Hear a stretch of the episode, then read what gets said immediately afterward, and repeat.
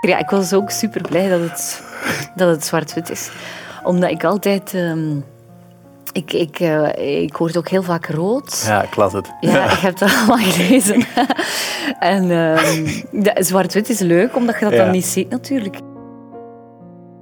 Je gaat zo meteen luisteren naar het gesprek dat ik heb gevoerd met Marieke de Marais. Ehm Marieke is een kunstenares, het is een schrijfster ook. Hij heeft een fantastisch mooi boekje geschreven dat Bult noemt. En ook eigenlijk de belangrijkste reden was waarom dat we ze hebben uitgenodigd. Maar ze maakt ook theater. Eh, ze geeft ook les eh, aan, aan jonge gasten. Ehm, ja, echt een, een heel eh, bijzonder persoon die, toen we ze uitnodigden, vroeg of dat we wel de juiste Marieke de Marais aan het mailen waren. dus die zelf vond dat het onverwachts was. Wat vond jij van het gesprek, Tom? Eh, ehm, ja, het kwam binnen. Ik, ik zat een uur geleden nog zo te luisteren naar de aflevering op een bankje in, in het park, Ja, in de zon. En eh, ik, zat daar dus met, ik zat daar echt met tranen in mijn ogen, maar zo van die, ja, zo van die weemoedige tranen die je hebt als je naar zo'n liedje luistert of zo. ja, Ja, en ja, komt echt, echt keihard binnen. Heel mooi zo, de, de schoonheid van het leven vieren. Zo. Het is Ja. echt, eh, ja, ja, schoon. ja, ik Goed kan, gedaan. kan daar niks aan toevoegen. vind het eigenlijk ook gewoon echt heel mooi. Eh, we hebben ook een keer een, een mockumentary gemaakt over ehm, de mensen die rond de kerncentrales van Doel woonden. En ik had er toen niet beter op gevonden om met een vriendin, actrice, een gesprek te voeren. En we hadden het, het was in scène gezet, maar ik kon echt totaal niet zien of, of voelen dat het niet, niet echt was. Eh, en zij vertelde dat er zo'n grote tomaten in haar tuin groeiden, ehm, dat zij s'nachts een lichtgevende vinger, eh, vinger kreeg die, die tegen haar praatte en zo. Allemaal knotsgekke dingen. En toen eh, hebben we wel een telefoontje van Electrabel gekregen. Van, wat, wat, wat, wat is dat? Waar hebben jullie die vrouw gevonden die zo'n onwaarheden Ah ja, echt? Uitkraamt? Terwijl het, terwijl het natuurlijk humor was. Hè? Ja, ja, een ja. voorloper van fake news eigenlijk. Jullie zijn ermee begonnen. Ja. Ben, ben ik Jij bent de schuldige, ja. de grondlegger van fake news? ja. Ja, oei. Maar die absurditeit is wel cool. vind ik. Dat zit in Bult ook zo. En in uw, je hebt dan zo die boekvoorstelling waar dat je in je berenpak, Ja, eh mascotte beren, dat dat vaak in uw werk zo een, beetje een ja, randje absurditeit. Zo. Ja, dat, dat absurde, dat, dat is er sowieso. Maar soms zien we, we zien dat eigenlijk niet. Hè? Dat, de, de, de, de wereld is één eh, ab- absurd gegeven, zou, ik, zou je kunnen denken. Aan, mijn, in, aan het begin van mijn boek staat er een, eh, een quote van Albert Ja. Camus. Het absurde ontstaat ehm, uit de confrontatie van de mens die vraagt Ja. en de wereld die op een onredelijke wijze zwijgt. Ja. Ik denk dat mensen in hun leven, eh, als ze geconfronteerd worden met leven en dood, zich heel veel vragen gaan stellen. Waar gaan we naartoe? Waar zijn wij hier in godsnaam mee bezig? Wat, Ja. wat, betekent dit, wij, wat betekenen wij in dit heelal? En ehm, Camus zegt, je kunt drie dingen doen. Ofwel kan je daar niet mee om, want we gaan eigenlijk nergens naartoe. Ik bedoel, we komen hier op de wereld en we, leven ons leven en we gaan dood. Je zou kunnen zeggen, oké, ik, ik stap daaruit, want ik kan daar niet mee om. Ofwel ga je het zoeken in geloof. En denk je dat je ergens naartoe gaat, eh, dat de hemel eventueel bestaat. Ehm, ofwel ga je dat absurde leven omarmen. En, en, en daar eh, hand in hand mee door het leven gaan. En dat is keihard wat ik, wat ik graag doe. Ik heb heel veel vragen waar het antwoord... Ja, waar ik het antwoord nooit kan op krijgen. En eh, wat, wat, kan je dan doen? Je kunt daar heel ongelukkig van worden of zo. Hè? Of, of ah, ik, ik ken het antwoord niet, of ik wil, ik wil het weten. Terwijl ik denk van, ja, laten we maar gewoon eh, het absurde omarmen en daarmee omgaan. En dat absurde ook soms een keer in de spotlight zetten. Gewoon. Vieren of zo. Vieren, ja. Het absurde vieren, feest vieren. Ja. Ja. Welke vragen zijn dat bij u? Als je zegt van, ik zit ook met zo'n vragen die... Wat zijn de meest pregnante zo? Ja, ik denk dat de, de, de, grootste existentiële vraag is toch van uh, waar komen we vandaan en waar gaan we naartoe? Mm -hmm. voor u persoonlijk? Want voor... ik vind dat in abstractie wel een schone vraag, maar het is niet dat ik daar zo zelf heel hard mee Ja, ik, ik, ik, voor, voor mij geldt die vraag wel omdat ik ontzettend bang ben om, om dood te gaan. Mhm.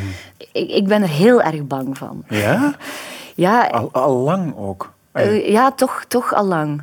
Um, nog, nog voor ik kinderen had, maar het is alleen maar heel hard ver, verergerd sinds ik kinderen heb.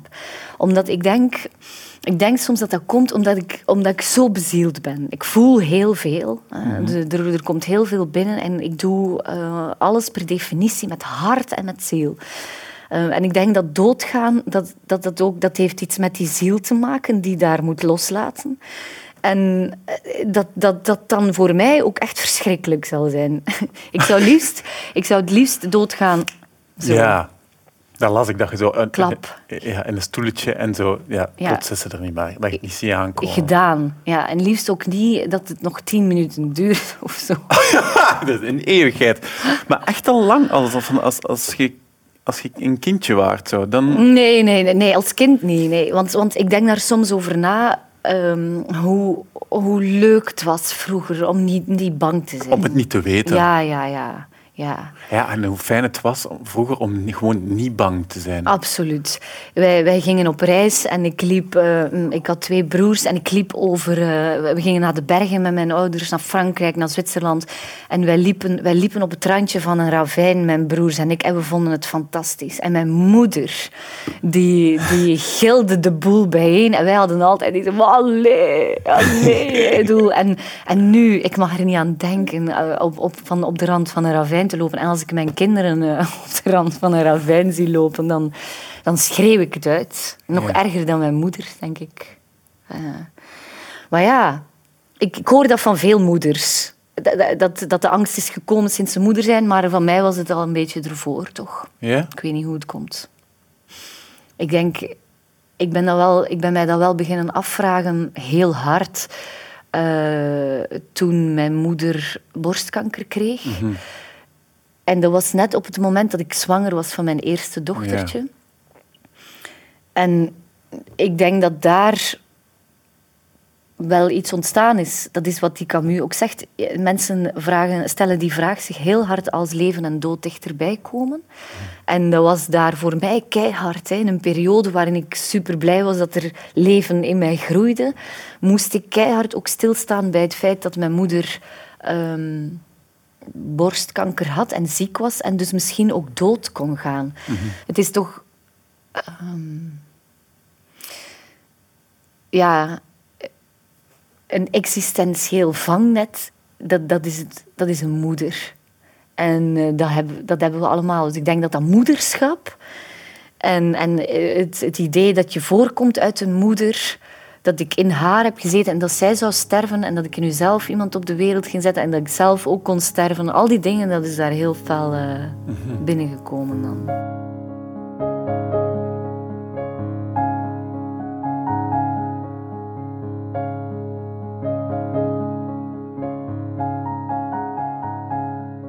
Ik moest heel hard denken aan de, de jonge vrouw in, uw, uh, in Bult. Zo, ja. die en die geboren is uit een, uit een dode moeder. Ja. Eh, wiens moeder gestorven is op het moment dat zij geboren is. En de, ja.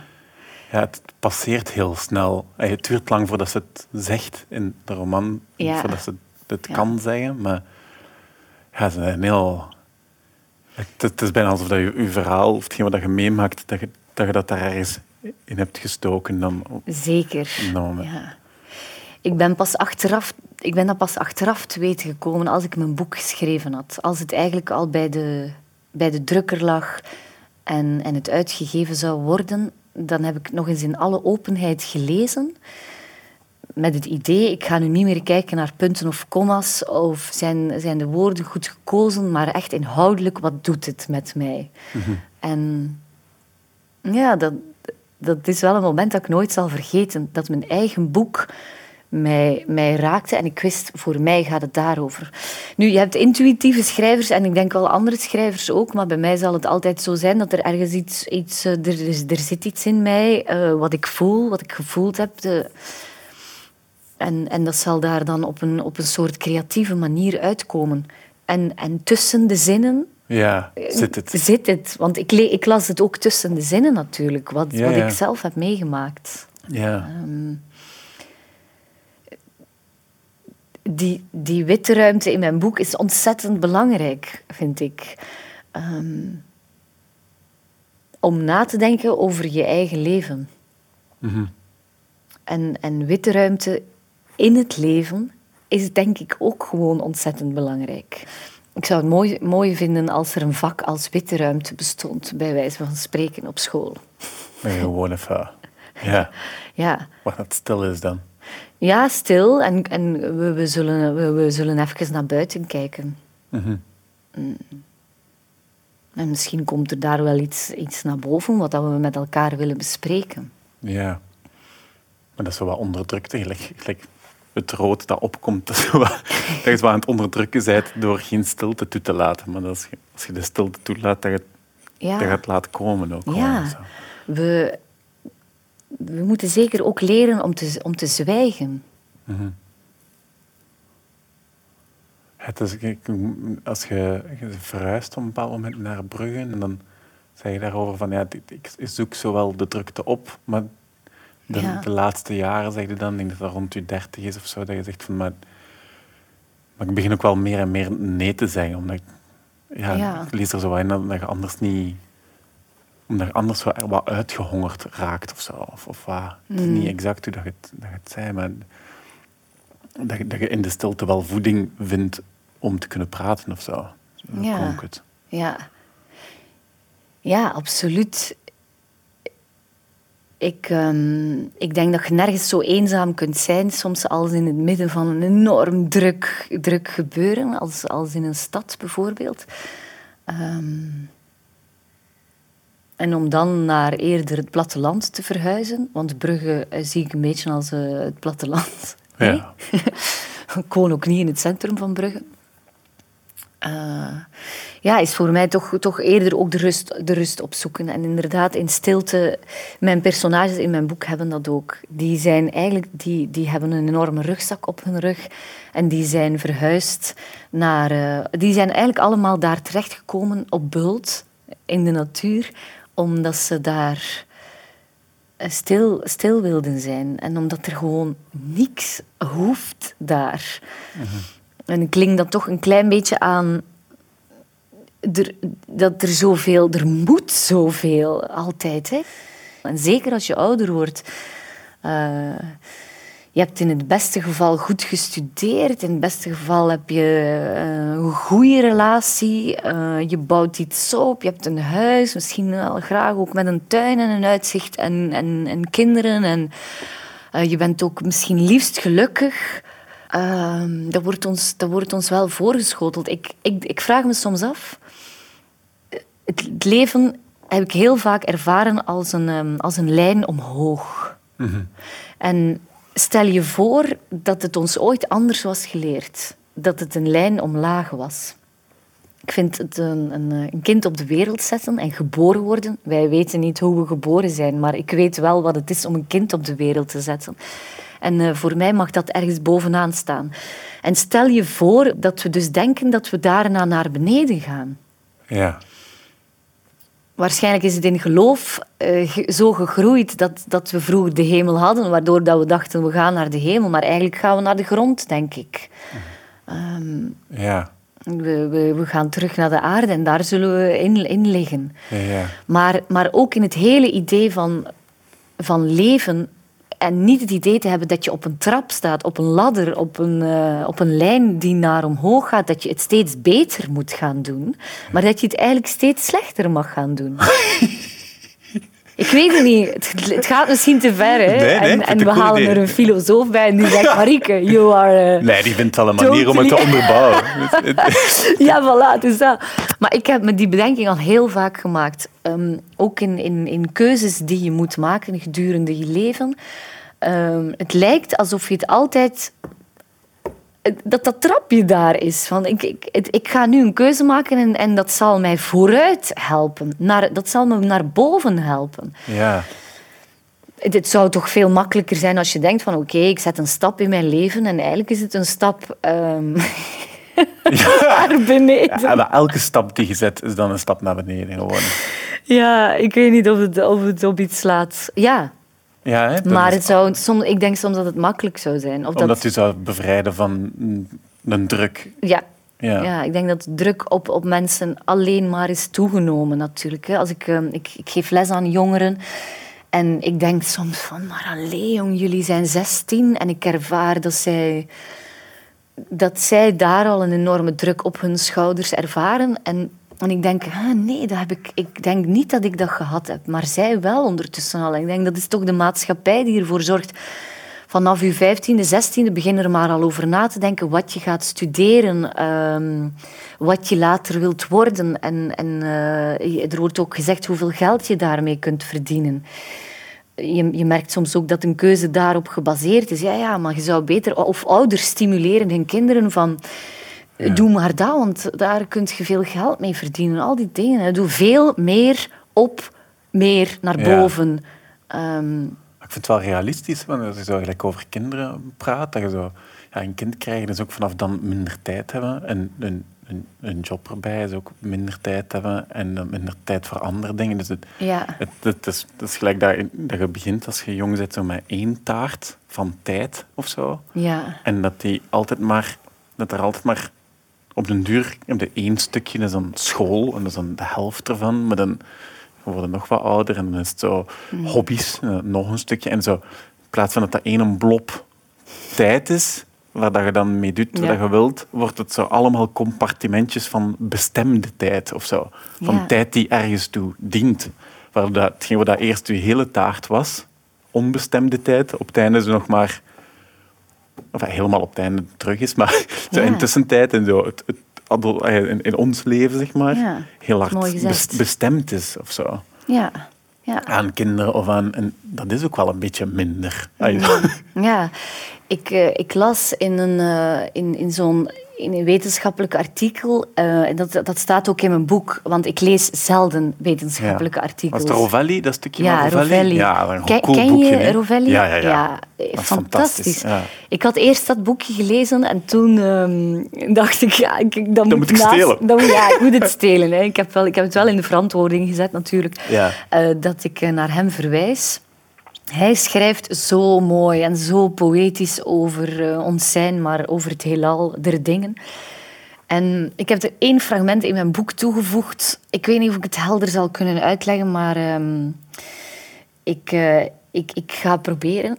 Ja, wij, uh, wij zijn als mens, zegt hij, een, uh, een, een kortlevende soort. Je kunt ons niet vergelijken met een schildpad, mm bijvoorbeeld, die al miljoenen jaren mm op de wereld is. En eigenlijk een beetje in dezelfde hoedanigheid als ze nu is. Ze is uiterlijk misschien een klein beetje veranderd, maar het enige wat zij doet is nog altijd een klein beetje Kruip. kruipen en af en toe een blad eten. Of ik weet niet, wat eten schildpadden? In mijn hoofd blaadjes. Blaadjes, dat dacht ik ook. Ik denk dat hij nog altijd blaadjes eet. Wij, wij zijn daarna gekomen en wij zijn denk ik wel echt een uh, apart soort dier dat, uh, dat op de wereld is gekomen, waarvan die schildpad waarschijnlijk denkt, wat hebben ze hier gedropt? Hopelijk uh, is die snel weer weg. Wij zijn een, een kortlevende soort en we hebben denk ik het geluk of het ongeluk gekregen, zegt hij, om, heel, om, om, om hersenen te hebben en om intellectueel te worden en om, om allerlei dingen te beginnen maken en uitvinden die tegen die natuur kunnen ingaan. Mm -hmm. Want een schildpad die kan niet echt tegen die natuur ingaan, maar wij wel. Het lijkt, zegt hij, alsof wij dus tegenover de natuur staan, terwijl we de natuur zijn. Ja. En hij heeft het ook in het heelal over, wij, wij kijken naar de ruimte uh, door telescopen en we gaan er naartoe, we reizen naar andere planeten om, om daar dingen te ontdekken. Maar daar ontdekken we dat de ruimte gemaakt is uit korrels, dat tijd daar niet bestaat, dat je daar um, nergens kunt zijn. Dat, dat, dat staat in dat boekje. Dan begint het in mijn hersenen wel zo te doen dat je nergens kunt zijn, zegt, zegt hij. En uh, dat is hoe we er beter zouden naar, naar kijken, zegt hij. Hoe wij hier zijn. Wij zijn eigenlijk nergens. Ja, ja. En wij, wij keren uiteindelijk, als we doodgaan, naar huis terug. De terug. Het ja. heelal in.